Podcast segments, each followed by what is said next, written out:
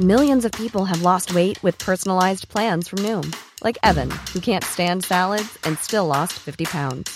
Salads, generally, for most people, are the easy button, right? For me, that wasn't an option. I never really was a salad guy. That's just not who I am. But Noom worked for me. Get your personalized plan today at Noom.com.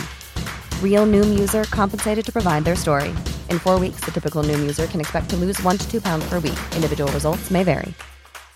Ready to pop the question? The jewelers at BlueNile.com have got sparkle down to a science with beautiful lab grown diamonds worthy of your most brilliant moments. Their lab grown diamonds are independently graded and guaranteed identical to natural diamonds, and they're ready to ship to your door. Go to BlueNile.com and use promo code LISTEN to get $50 off your purchase of $500 or more. That's code LISTEN at BlueNile.com for $50 off. BlueNile.com code LISTEN.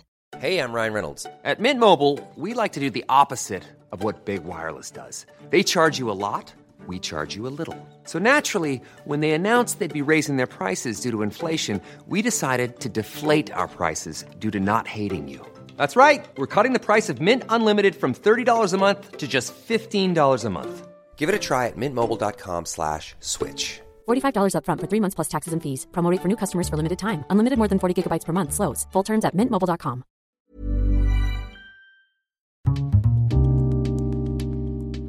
Det här programmet handlar om en noga utvald bok och ett samtal med dess författare. Välkommen till Lära från lärda. Fredrik Hilleborg vid micken och den här veckan har jag en bok i min hand som jag läst som heter Självstående, mamma på egen hand. Välkommen till författaren Maria Hagström. Tack så mycket. Jag brukar alltid börja med att gästen får presentera sig. Ja, jag eh, är eh, journalist, eh, frilansjournalist med i vanliga fall fokus på, vad ska man säga, socialreportage. Hemlöshet, psykisk ohälsa. Jag jobbar mycket för Situation Stockholm. Och så har jag också rest runt i världen mycket och skrivit om kvinnors livsvillkor. Men så är jag också mamma till min son Vide som fyller tre snart. Och han fick jag med hjälp av spermiedonation här i Sverige. Så jag blev mamma på egen hand. Och tänkte då efter ett tag, nu slår jag ihop mitt yrke med mitt privatliv och skriver en bok om, om den här familjekonstellationen. Har du någon hisspitch? Vad säger du att den handlar om? Den handlar dels om min egen resa till barn, eh, intervjuer med andra och eh, vuxna personer som har kommit till genom spermiedonation och donatorer. Men jag har också velat titta på hur det ser ut i Sverige nu några år efter att det blev lagligt. Det blev lagligt 2016 och vi blir allt eh, fler och fler eh, sedan dess. Och eh, så kommer det nog fortsätta. Eller det är i alla fall en familjeform som är här för att stanna, det är jag helt övertygad om. Vad är det som liksom leder fram till beslutet egentligen att man skaffar barn på egen hand? Du diskuterade ju det en del i början. Många har haft tanken att de skulle skaffa barn med en partner. Eh, men sen har det varit svårt att få till antingen en långvarig relation eller en relation som är tillräckligt bra. Och då kan man ju fundera på vad det handlar om. Eh, är det svårt att träffa kärleken idag eller håller inte relationer på samma sätt eller har vi blivit lite kräsnare kanske? Eh, sen är det ju inte alla som eh, har velat skaffa barn med en partner heller, men vi är ju ändå i majoritet ska jag säga. Eh, och sen är det då att man, man närmar sig kanske 40 och vet att möjligheten som kvinna att få barn efter 40 kan vara ganska liten, eller det kan vara svårt. Så det är det där eh, eh, att inte träffa någon som man vill ha familj med, eh, kombinerat med att eh, ja, fertiliteten dalar, så att säga, som leder till, fram till att många tar det beslutet. Men eh, sen kan man ju fundera på varför vi blir fler och fler. Är det bara att relationer har blivit svårare? Eller eh, jag tänker ju att det börjar ju långt tillbaka när kvi, alltså kvinnors frigörelse egentligen, det startar där och banar vägen för att det överhuvudtaget är möjligt att göra på det här viset. Att vi inte behöver, då tänker jag ekonomiskt och så, mm. en partner eh, för att ha familj med. Så såg det ju inte ut förr, då, då behövde man en man. Eh, men jag tror också det här eh, hur relationer ser ut. Många skiljer sig eller separerar och eh, så att man skaffar barn med någon betyder inte att man inte blir ensamstående. Och det vet jag att det finns en hel del som har gjort det valet för att de inte vill leva ett varannan vecka-liv i framtiden eller inte riskerar att inte få fira jul med sitt barn och så. Mm. Ehm, så jag tror det kanske att synen på relationer inte, att det ska hålla, kan vara lite negativ kanske. Mm, mm. Och om man ser på hur utvecklingen har sett ut, eh, alltså när det blev lagligt sådär, för det, det, har ju också tidigare varit möjligt att åka till andra länder. Många åkte till mm. Danmark exempelvis, eh, innan det blev lagligt i Sverige. Ja, precis. Och det är ju inte från 2016, det här är en helt ny familj, utan det finns ju många kvinnor som har åkt tidigare eh, till framförallt Danmark, men även en del andra länder. Nu när det är lagligt i Sverige så blir det, det blir ju mer en accepterad familjeform, när också staten har gått in och okejat den, sagt mm. att det är okej att skaffa barn på det här viset. Och ju fler som gör det, desto lättare är det för andra att ta det beslutet också. För det bryter ju ändå mot normen, så det är ju inte helt lätt att, att ta det steget. Nej. Och, när det klubbades igenom eh, så var det ju framförallt, alltså i riksdagen då, så var det framförallt två partier som var emot det mm. eh, mot slutet, alltså Kristdemokraterna och Sverigedemokraterna. Och det som Kristdemokraterna tog upp då var ju det här med att eh, barn har rätt till två föräldrar, en mamma och pappa och sådär. Och, och i det, jag, och det tycker jag det är en intressant fråga, eller som att problematisera kring, det där med att, att barnet inte får två eh, föräldrar, två olika mm. personer, två vårdnadshavare och sådär. Vad tänker du kring det? Eh, jag tänker att det viktiga för ett barn att få kärlek och trygghet. Och det behöver inte nödvändigtvis vara från två föräldrar, en mamma och pappa eller kanske två mammor eller två pappor. Huvudsaken är att det finns liksom vuxna där. Så jag tycker jag att det absolut är tillräckligt att man är en förälder, men däremot så känner jag att det är viktigt att min son har andra vuxna förebilder också, som är viktiga i hans liv, som han känner sig trygga med, har nära anknytning till. Så att det ska finnas en pappa just, ser inte jag som nödvändigt, då hade jag inte skaffat barn på det här viset heller. Ehm, men att det är viktigt att det finns vuxna, så att också för min egen del, att jag inte är helt själv. Mm. Ja, för det, jag, jag tänker det är ju eh, att när jag är förälder själv, att när man är två stycken, att, att jag som, eh, när vi är två så känner jag att man ger olika delar, alltså det spelar ingen roll kön, oavsett om man är två personer. Mm. Man ger barnen så olika delar och lär, den lär sig olika saker och får, alltså om, om, om min eh, sambo skulle liksom dö och jag var själv, skulle mm. jag känna oj, jag kommer inte kunna ge det som hon gav. Ja, ja. Eh, av massa olika anledningar.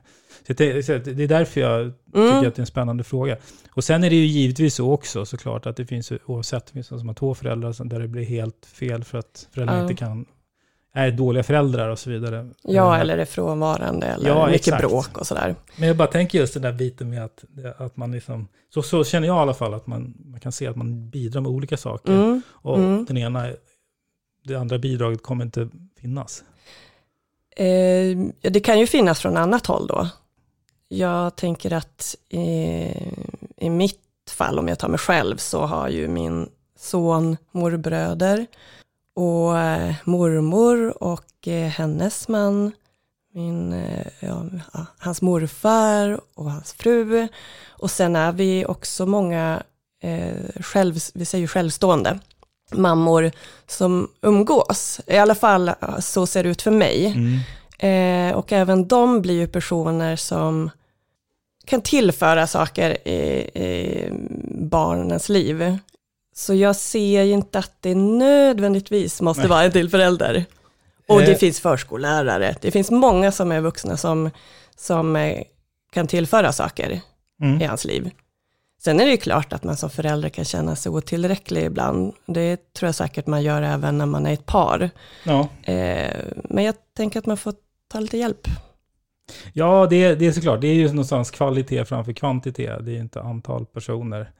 Ehm, men det, är- det, är en, det är en intressant reflektion. Jag, Ja, jag tänker att just de här debatterna som har varit, man tänker på KD och det perspektivet, Mm. att man mera, eh, man ser det som den klassiska familjen som en pappa och mamma och sådär. Det, Mm. det är ju liksom lite något annat, men ja, om man nystar i den eh, debatten, den kritiken, så har ju det här florerat. Mm, mm. Eh, Men, men du, du sa något också med, eh, jo men när man blir, blir själv så blir det ju, eller jag tänker direkt, oj vad jobbigt. Mm, ja. Eh, för det är tufft att vara småbarnsförälder, det är verkligen med, som alla vet som har varit det, eller är det, med hämtning och lämning och så dålig sömn och sådär, att man, när man är två, det blir ändå liksom, ah, vad skönt. Mm. Eh, Det måste vara riktigt tufft som ensam. ja, men det kan det vara. Absolut. Eh, det kan vara det på det, alltså det praktiska sättet, tänker jag. Mm. Jag, kan säga, jag bor tre våningar upp i huset och om jag ska slänga soporna så måste jag ta med mig min son hela vägen ner och hela vägen upp. Till exempel, det är en väldigt eh, liten del. Men eh, jag kan ju ibland titta på, eh, alltså det finns ju par, till exempel vet jag att min ena brorsa och hans fru har gjort så att de har så här varannan nattning, varannan morgon, varannan bajsblöja, när de bara hade ett barn och kunde göra på det viset. Och då är det klart att då kan jag känna, oh, gud vad skönt.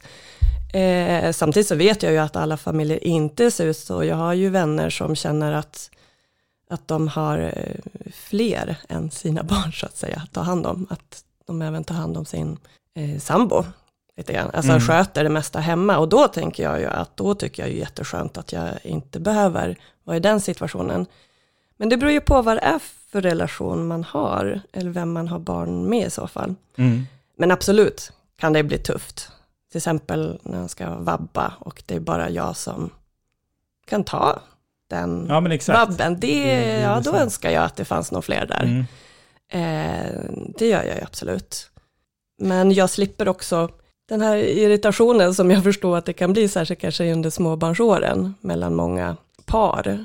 Att eh, man kanske har föreställningar att den ska tömma diskmaskinen medan man själv nattar barnet, så kanske den andra inte har tänkt det. Den kanske gjorde något annat just då, så att, att jag, inte har, jag har ju inte förväntningar på någon och kan inte heller då bli besviken eller irriterad. Samtidigt så är det jag som måste göra allt. Så Mm, just det. Det blir det- färre, färre konflikter att hantera. Ja, men jag tänker att det blir det. Ja. Men jag kanske är tröttare ibland Ja. istället.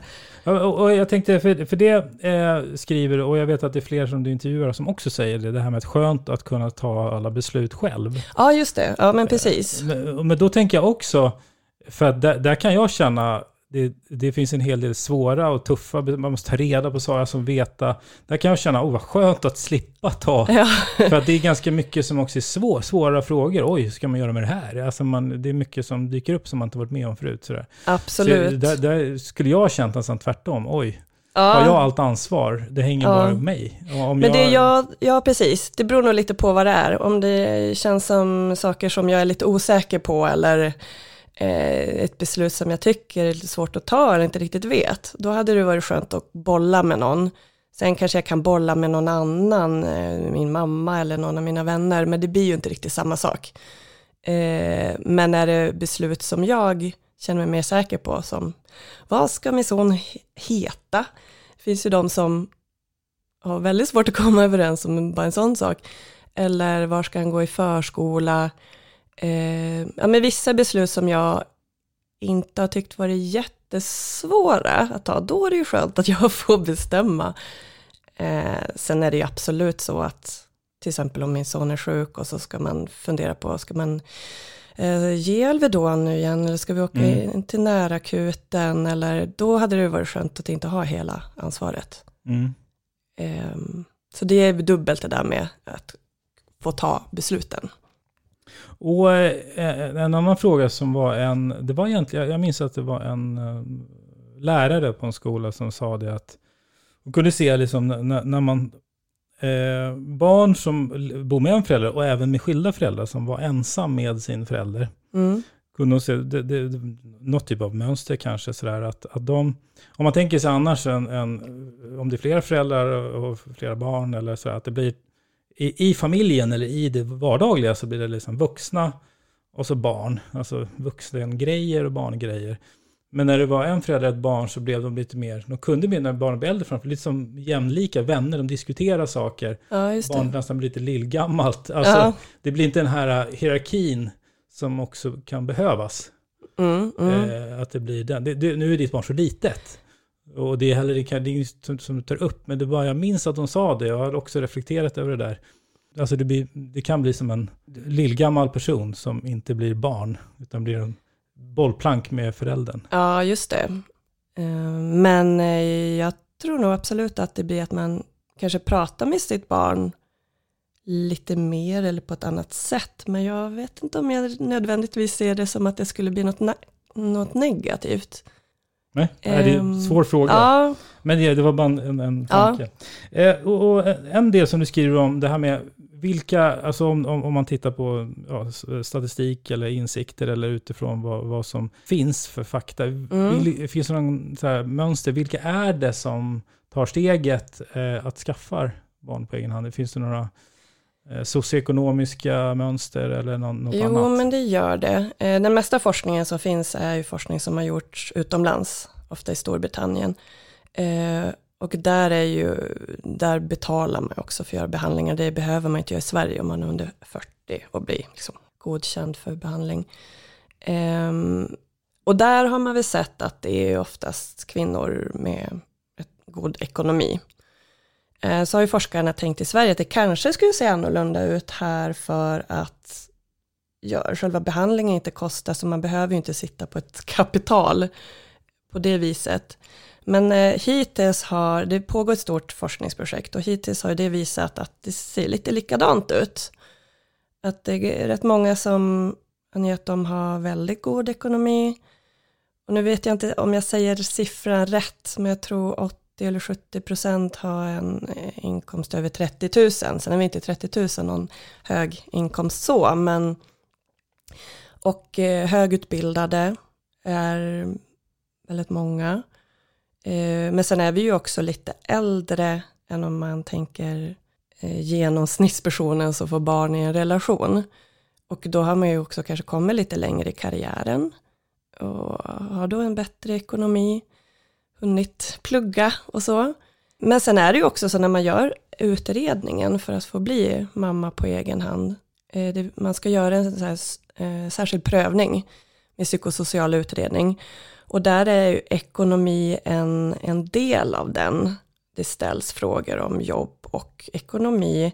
Och det är ju för att man också har sett en, liksom, eh, det finns ju en sårbarhet att vara den enda som står för inkomsten i hushållet. Mm. Och man vet ju att ensamstående mammor generellt sett kan ha det rätt tufft.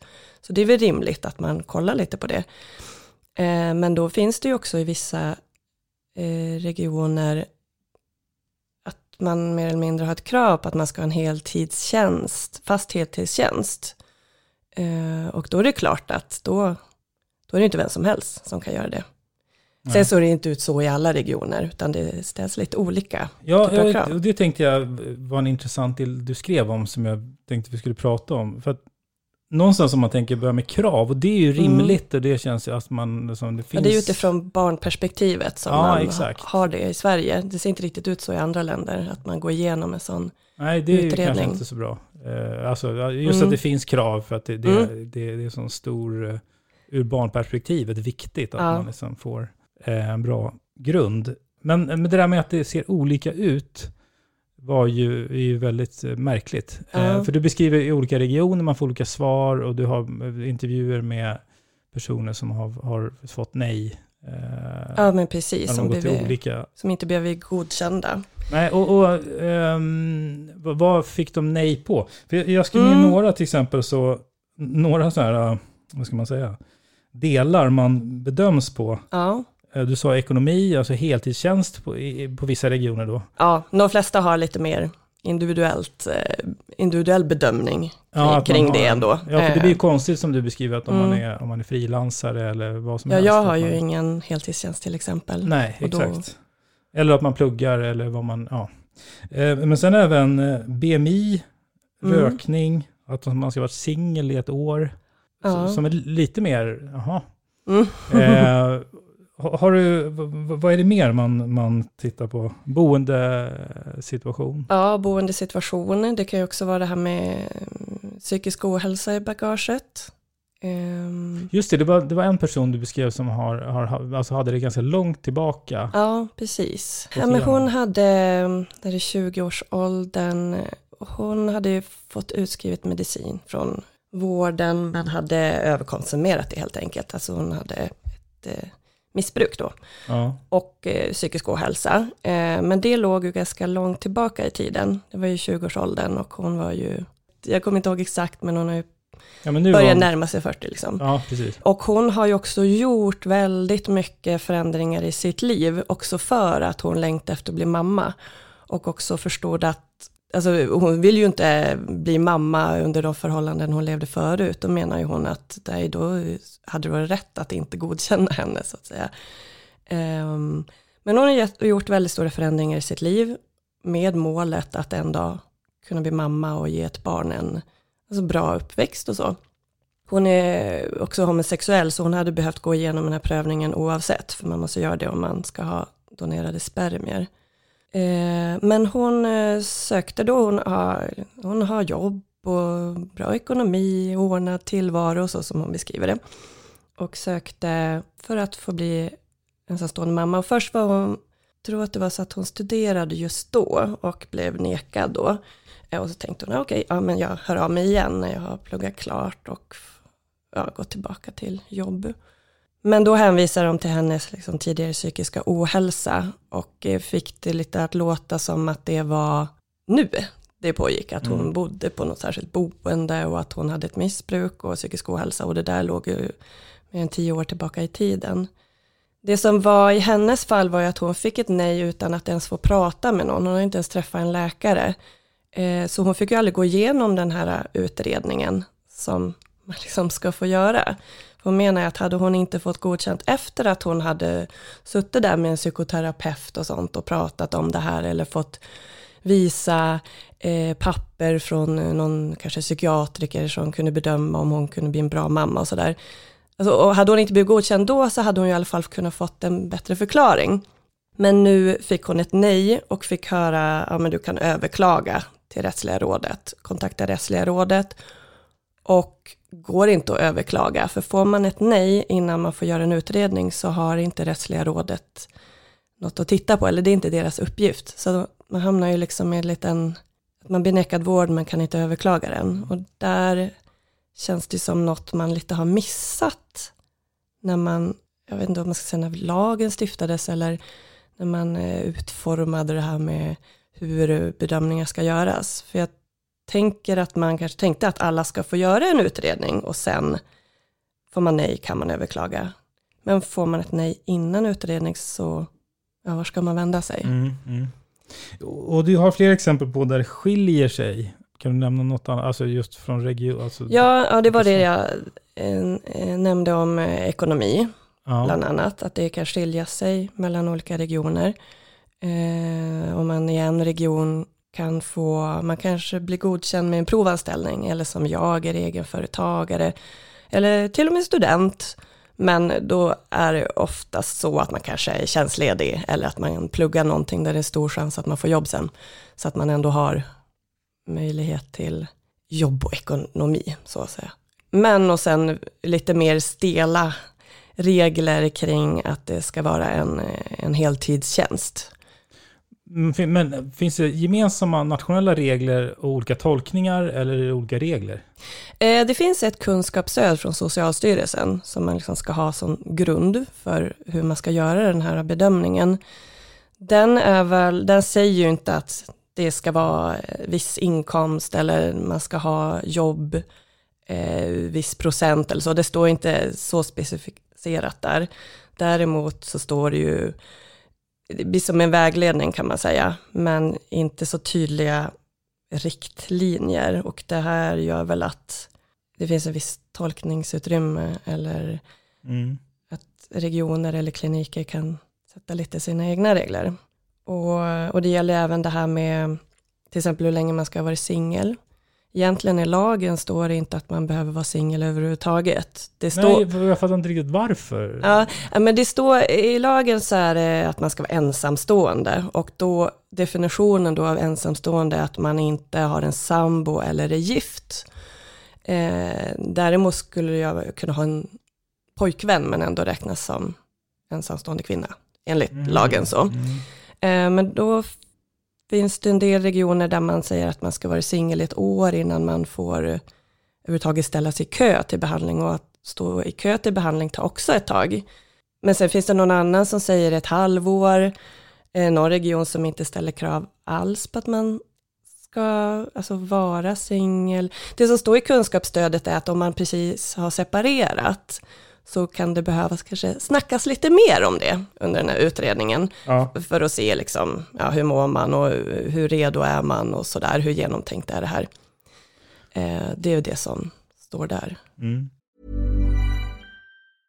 This Mother's Day, celebrate the extraordinary women in your life with a heartfelt gift from Blue Nile. Whether it's for your mom, a mother figure, or yourself as a mom, find that perfect piece to express your love and appreciation.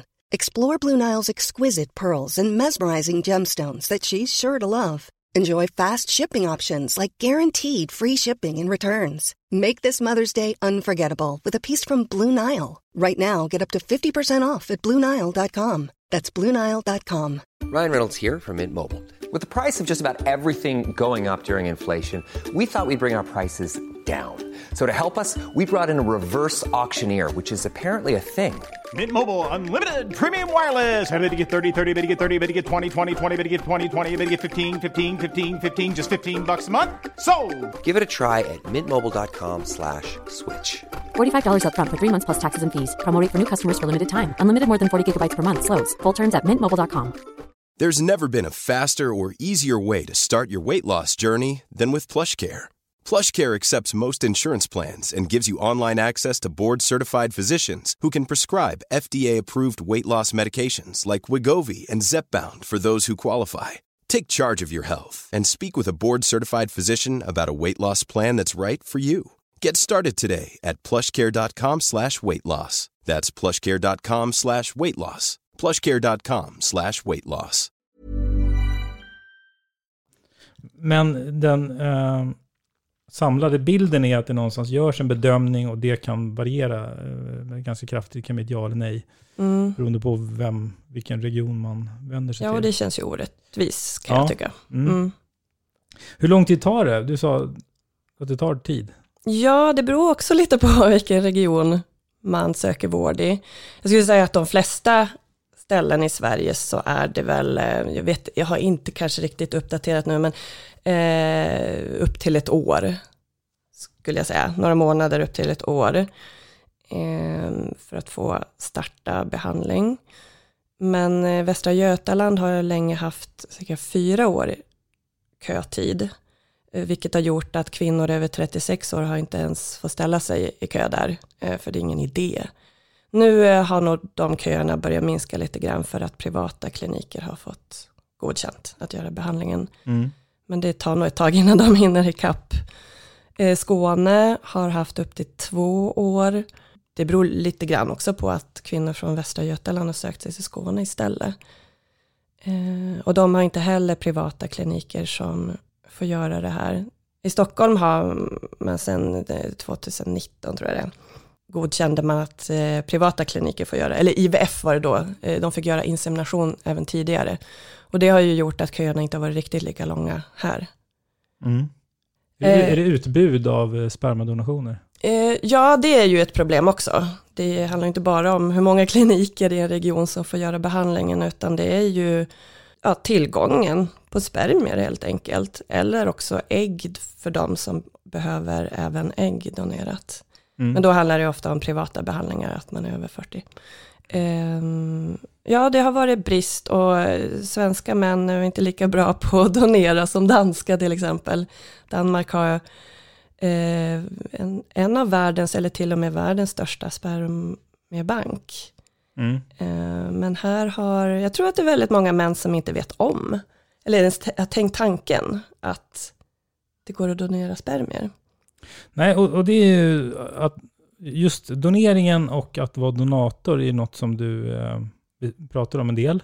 Och jag tänkte där till att börja med så, ja du, precis som Danmark, där har det ju funnits länge och det verkar som att det har blivit liksom en större medvetenhet kring det, kring behovet och sådär. Ja, ja. Och vilka är det som blir donatorer? Som, som väljer att det? Ja, det är, eh, om jag nu ska ta i Sverige, för här har jag gjort eh, intervju med en läkare om eh, just spermiedonation här och där har de ju tittat lite på vilka de är. Och även en forskare har, har jag pratat med. Eh, det är ju personer som ja, men framförallt vill, vill hjälpa. De kanske känner personer som har haft svårt att bli gravida och är då medveten om de utmaningar som kan finnas. Det är ju inte så lätt att bli gravid alltid.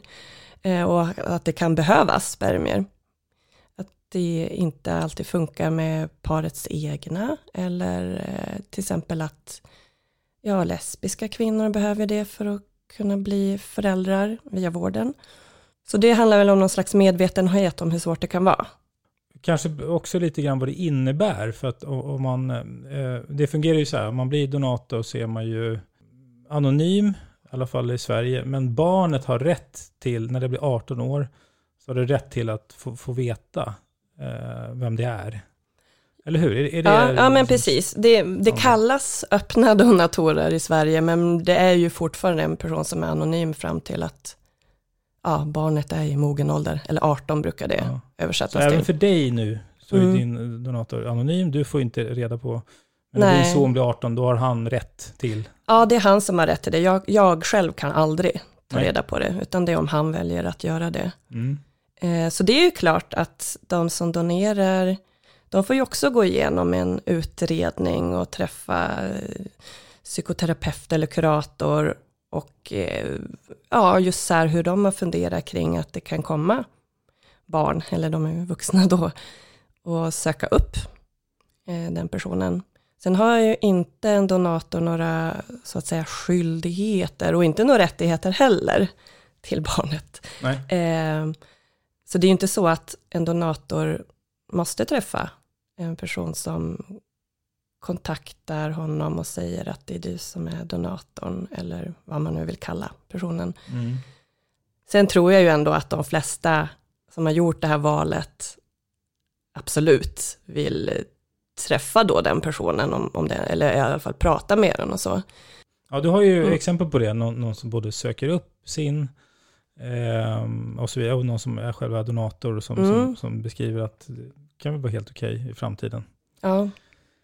Och för dig då och för andra, vad får man eh, så att säga ge för önskemål? Vad kan man, alltså inför det? Man, man kan ändå nog säga någonting, man kan inte bara, jag tar ja. eh, nej, men, som helst. Nej, eh, jag kan inte ha jättemycket önskemål i Sverige. Om man åker till Danmark så finns det möjlighet att så att säga välja mycket mer, få veta mycket mer om donatorn. Eh, jag fick fråga från min läkare om jag har några önskemål eh, och då handlade det om hårfärg, längd, ögonfärg. Det var ju i stort sett det. Ehm, och då visste jag ju också att alltså rekommendationen är att man ska liksom matchas med någon som har ungefär samma färger som en själv eller ja, längdmässigt, alltså liknar en helt enkelt. Så för min del blev det att jag sa blå ögon, eh, lång, fast inte för lång för jag fick för mig att mitt barn skulle bli enormt mm. för att jag är så lång. Eh, det är han absolut inte, han är snarare tvärtom. Eh, och så sa jag, ja hårfärg, att det inte spelar någon roll för att jag har både i min familj personer som är blonda och mer eller mindre svarthåriga. Så att mm. Men i andra länder kan man, har man fler valmöjligheter? Eh, ja, om man tar till exempel Danmark och ja, även and, många andra länder så går det, om man betalar lite extra, att eh, välja utifrån en, alltså sitta själv och bläddra bland donatorer. Få veta hur man jobbar med, intressen, de kan ha skrivit personligt brev. Jag tror till och med att det finns att Ja, man kan innan, föra rösten. Ja, Mm. Eh, få se ett ba, eh, ett, en bild på donatorn som barn. Eh, så man kan få veta ganska mycket. Mm. Och, och, och då börjar man ju, tycker jag i alla fall, man börjar gränsa, alltså gå över till lite mer etiska eh, Ja. frågor kring att laborera och på alla möjliga sätt. Ja, Alltså, absolut. Ja. Men det är väl en annan diskussion. Alltså, någonstans utifrån i alla fall känns det ju rimligt, eh, som vi har i Sverige. Mm, mm. Ja, det, på sätt och vis kan jag tycka att det är lite skönt också, för att sitter man där och ändå har tillgången till en eh, spermierbank eller katalog, eller vad det kallas nu, i de länderna, så, så tror jag absolut, då hade jag ju suttit där och bläddrat själv också. Mm. Eh, för det är ändå generna som mitt barn ska få, och sen kan man ju fundera på hur mycket spelar det där någon roll, eller hur viktigt är det? Eh, så, Rätt stor roll ändå. generna. Ja, jo, jo, det har det ju, verkligen. Så jag kan ju på sätt och vis tycka att det är lite skönt att jag inte ens kunde göra det. Men kan det, om man åt andra hållet då, kan det kännas att man, en oro över att du faktiskt inte helt vet just generna? De kommer, alltså att det blir, oj, Ja, Alltså, det, det, mm, det, det är ju någonting ändå, om, om man lyckas få barn med någon man känner, då, Mm. då har man ju någon koll i alla fall sådär. ja, fast frågan är hur mycket koll man har då också. Jag tänker när det gäller eh, sjukdomshistoria eller om man bär på någonting. Eh, det beror ju på hur länge man har varit tillsammans kanske. Men det som donatorerna behöver gå igenom är, de ska ju inte ha några ärftliga, allvarliga ärftliga sjukdomar. Det är Nej. ganska hårda krav. Ja, det är inga stora minus så att säga. Nej, det är, eh, jag tror att det var en, nej nu är jag osäker på siffran, en av tio som blev godkända. Det, ja, jag känner det- igen den siffran. ehm, Eller låg i alla fall. Ja, precis. Så att det är ju ganska många som inte klarar det där, för att de, främst för att de har några ärftliga sjukdomar i släkten som då inte godkänns. Mm. Det, det kan också handla om diagnoser, till exempel ADHD, godkänns inte. Ehm, I vissa fall inte dyslexi heller. Ehm, och det är ju också lite så här etiskt kan jag tycka, så här, vad är okej att föra vidare och inte? Ja. En diskussion i sig. Men eh, jag vet ju då att min sons, eller den donatorn förmodligen inte bär på sjukdomar. Sen kan det ju vara sånt man inte vet om. Och sen ska man säga det att de som blir donatorer heller inte, det, det är gan- det är ganska låg ersättning, så att det, det finns en Ja. tanke där att Ja, det, det ska inte vara något eh, man ska göra för att tjäna pengar. Nej, precis. Det är därför det är en låg ersättning. Sen kan man ju fundera på om det är fler som skulle göra det om det fanns... Fast man vill, jag, jag vill ju inte att den personen som har så att säga hjälpt mig eh, ska göra det för pengar. Ehm, Nej, det finns väl en bra tanke med det, att, Mm. att det inte ska vara... Ja, det gör det ju. Jag- skulle vilja tillägga en grej om det där med sjukdomar. För det finns ju en nackdel också att min son inte har tillgång till sjukdomshistorien. Även om nu donatorn är testad och så. Men det kan ju vara sjukdomar som visar sig längre fram. Eh, hans pappa kanske plötsligt får en, en allvarlig sjukdom och så visar det sig att donatorn också bär på det. Och, eh, även om det i nuläget verkar vara en väldigt frisk person eh, som också har eh, vars föräldrar kanske lever länge och sådär, så är det ju, min, min son kommer ju inte, när, om han behöver åka till läkaren av någon anledning i framtiden, eller nu också för den delen, och jag får frågan eh, vad finns det för sjukdomar i släkten, då kan jag ju inte svara på det och han kommer inte kunna svara på det.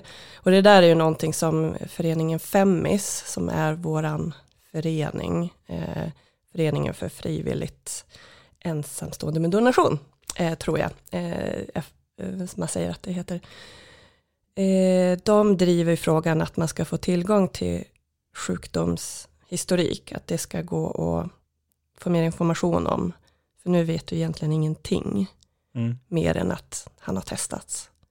På det temat det där med, med framtiden och sådär, eh, och jag tänker vad barnet frågar efter. Det är också någonting som du tar upp i boken, det här med att barnet kan ju fråga efter sin pappa massa olika sätt och olika Mm. åldrar. Eh, alltså allt ifrån att man undrar eller eh, alltså uttrycker det utifrån normer såklart som Mm. man kommer mer och mer in i. Vad tänker du om det? Eh, just när det kommer frågor och så, Ja. tänker du?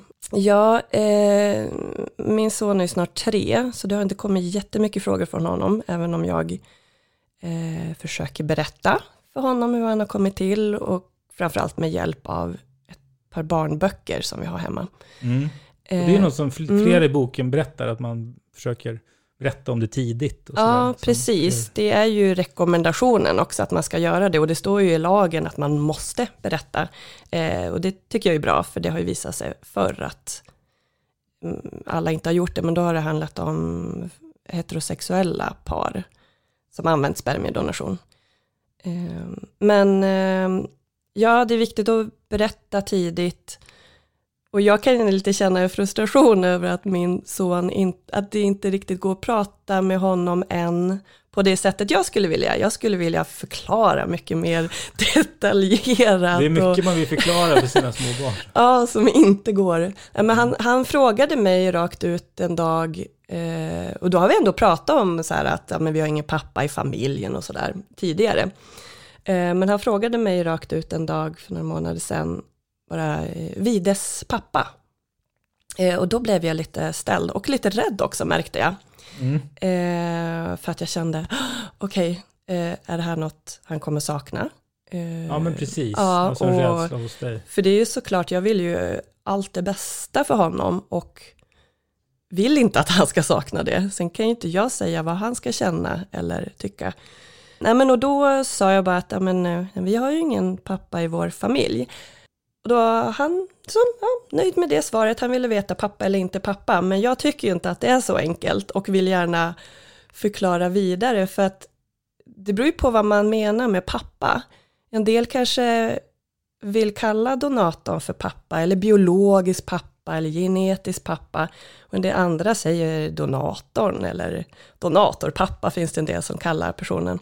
Så att säga att det finns ingen pappa känns inte 100% rätt heller för mig. Så jag försöker säga att vi inte har någon pappa i familjen, för det stämmer ju. Vi har, I vår familj så finns det inte det.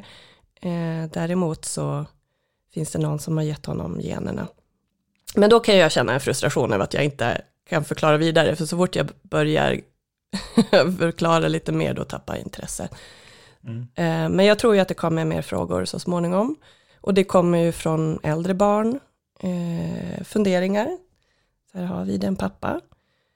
Och jag har även mött då en reaktion när jag inte orkade riktigt förklara så mycket. utan Jag sa bara, nej men nej, det, nej det, han har ingen pappa. Mm. Och det barnet såg så ledsen ut och eh, sa efter en stund så här, ja, Vides pappa död. Och då insåg jag, nej det duger inte att bara säga, han har ingen pappa. Eh, jag, man måste hitta ett sätt att Ja, det- förklara det hade på ett sätt nästan varit lättare, liksom, när Ah. man faktiskt inte lever. Alltså det finns ju bara ett svar. Ja, det blir lättare för dem att förstå i alla fall det. Mm. Ja, men ehm, det finns eh, lite råd från eh, Socialstyrelsen tror jag, hur man kan prata med sitt barn om det här på ett så här åldersmässigt sätt. Mm. I nuläget kan det vara mer att jag behövde hjälp på ett sjukhus. Eh, Jag fick, eh, om man vill säga bebisfrön eller spermier, som en man har lämnat där. Eh, Men redan där kan det nästan bli lite över, överkurs känner jag i nuläget. Med tanke på att det är, det går mot normen, hur skulle du säga är, v- vad säger de som, du, du känner ju flera som är i samma situation som dig, hur är bemötandet från omgivningen Ehm, generellt? Ja, men jag skulle nog säga att det oftast är bra. Eh, jag har, i alla fall de som har behövt säga någonting direkt till mig, alltså de har varit frågan? positiva. Eh, folk är absolut mest nyfikna kring donatorn. Det är väl för att, det, jag kan förstå det, jag är ju också nyfiken, men det är väl för att det är lite, till lite okänt. Så här. Jag får ofta frågan, vad vet du om donatorn? Aha, okej. Det skulle jag säga är den vanligaste frågan faktiskt. Mm. Ehm, ja, men jag, jag möter oftast mest positiva reaktioner med för att man är modig eller ja men coolt eller eh, en del eh, just kanske ta upp just det där att ja ah, men det måste vara tufft eller Mm. kommer det bli tufft när jag var gravid. Eh, en liten reflektion är att oftast har det varit män som har sagt det.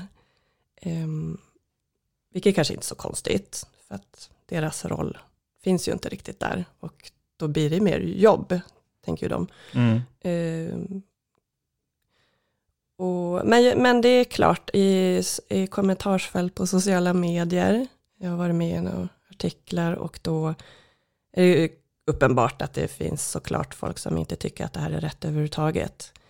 Men jag skulle säga att de flesta verkar möta rätt positiva reaktioner. Eh, men nu är, bor jag också i Stockholm och de flesta jag umgås med som är självstående mammor bor också i Stockholm och det är ju vanligare här, även om man kollar till befolkningsmängd så verkar det ju vara eh, som det ofta är med nya fenomen, om man ska kalla det här ett fenomen, Mm. så startar det oftast mer i storstäder. Eh, Men jag vet ju att det finns andra som har mött negativa reaktioner även från här släktingar och arbetskollegor och så. Mm. Är det någon pusselbit i boken som vi inte har pratat om, som du vill nämna? Jo, men jag skulle gärna vilja nämna den forskning som finns kring självstående mammor och deras barn. Men det är ju internationell forskning i nuläget. Eh, och det behövs absolut mer innan man kan veta säkert hur mammor och barn mår. Men den forskning som finns visar ändå att eh, barn i vår familjekonstellation mår bra och presterar lika bra i skolan som barn eh, till heterosexuella par har, är det som man har jämfört med då. Och att det, så hittills är det ju ingenting som tyder på att det skulle vara skadligt för barnen, Nej. eh, utan att de, de mår bra. Men som sagt, det behövs absolut mer forskning. Och mer forskning där man följer barnen högre upp i åldern också än vad man har gjort. Jag tänkte på det när jag läste det. Någonstans kan man ju förstå också att det finns, ehm, om man tänker generellt så, heterosexuella par som grupp, så finns det också många som kanske får barn tidigt eller får barn eh, ogenomtänkt av misstag. Och, alltså det finns många sådana där. Mm. För, för att det viktigaste är ju någonstans att det är genomtänkt, finns en bra grund Ja. att stå på. Men just bitarna. eh, i den här forskningen så har de jämfört med par som har genomgått IVF och då har de ändå, då är det ju genomtänkt och eh, de Ah, har ja, behövt okej. kämpa lite. Så att, Ja, ja, ja, men, ja, ja. precis. Ja, men jag, ja. mm, Ja, men jag tänkte just att den biten av de, de här heterosexuella paren, så, så barn själva, de som säger, kanske får barn av misstag eller ogenomtänkt, Ja. de finns ju kanske inte representerade. De, man skaffar inte barn så nej. själv, så att Nej, säga. nej, det gör man ju inte. Utan det är ju, ofta har man ju tänkt i flera år. Ja, och, Ja. Det, och det är ändå en, en, en ganska viktig faktor där, med att det, då blir det en bra grund att, att stå på. Mm, jo, det är ju, man har tänkt eh, alldeles för mycket ibland. Ja, Som jag själv funderade och funderade. Så man har vänt och vridit på alla frågor. Men, men jag- en sak till, om jag får säga en sak till, är ju som något som jag har börjat fundera på mer efter arbetet med boken, eller under tiden. Det är ju det här med vikten av urs, veta sitt ursprung. Eh, som ju inte min son kommer att veta förrän han blir kanske 18 år. Och det kan ju hända att han vill veta det tidigare. Eh, och där kan jag ju kanske tycka att det skulle finnas en möjlighet att få veta det lite tidigare än 18. Ehm, men ehm, jag har gjort intervjuer med tre stycken som kommer till på det här viset, som är vuxna och samtidigt så har jag ju då sett hur olika man kan tänka kring det här. När en har sökt upp donatorn och en har gjort ett DNA-test och hittat eh, eh, halvsyskon. En har inget, känner inget behov överhuvudtaget att veta vem donatorn är. Känner en tacksamhet för att han har hjälpt henne finnas vid livet, men ingen, ingen, inget behov av att ta reda på vem det är. Så att, och jag kan ju inte veta vad min son kommer att tänka. nej. Det finns alla varianter. Mm, precis, och forskning också som hittills har visat att det inte är så många som har sökt upp donatorn i nuläget. Men det är i alla fall något som jag funderar mycket mer på. Förutom att läsa boken, vad har du någon rekommendation till de som lyssnar kring det här ämnet? Eh, ja, förutom att läsa bok, alltså är man en sån som funderar på det här, då tycker jag att man kan gå ner med i föreningen Femmis eller söka upp Facebookgrupper på nätet, eh, typ mamma på egen hand och så. Eh, och är man, eh, är man en, en annan person så att säga, så tänker jag att det är att ha lite mer kunskap om olika familjekonstellationer är väl alltid bra. Även om man är en kärnfamilj till exempel och har barn, så tänker jag ju att det är viktigt att man pratar med de barnen om olika familjer som finns. Och, och, för de kommer ju möta personer som har kommit till på det här viset och de kommer nog bli fler också. Tack för att du var med. Ja, tack så mycket.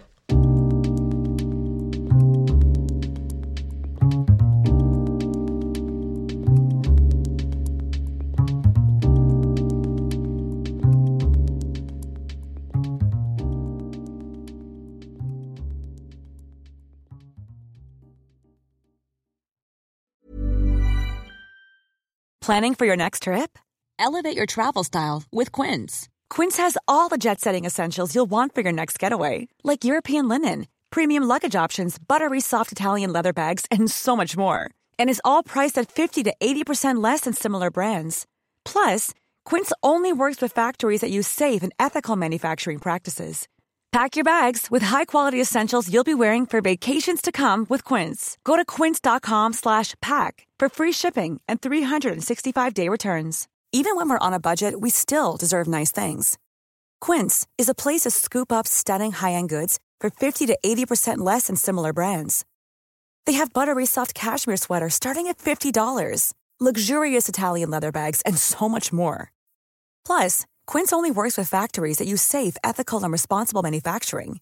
Get the high-end goods you'll love without the high price tag with Quince. Go to quince.com/style for free shipping and 365-day returns. Imagine the softest sheets you've ever felt. Now imagine them getting even softer over time. That's what you'll feel with Bowl and Branch's organic cotton sheets. In a recent customer survey, 96% replied that Bowl and Branch sheets get softer with every wash. Start getting your best night's sleep in these sheets that get softer and softer for years to come. Try their sheets with a 30-night guarantee. Plus, get 15% off your first order at bowlandbranch.com. Code BUTTERY. Exclusions apply. See site for details.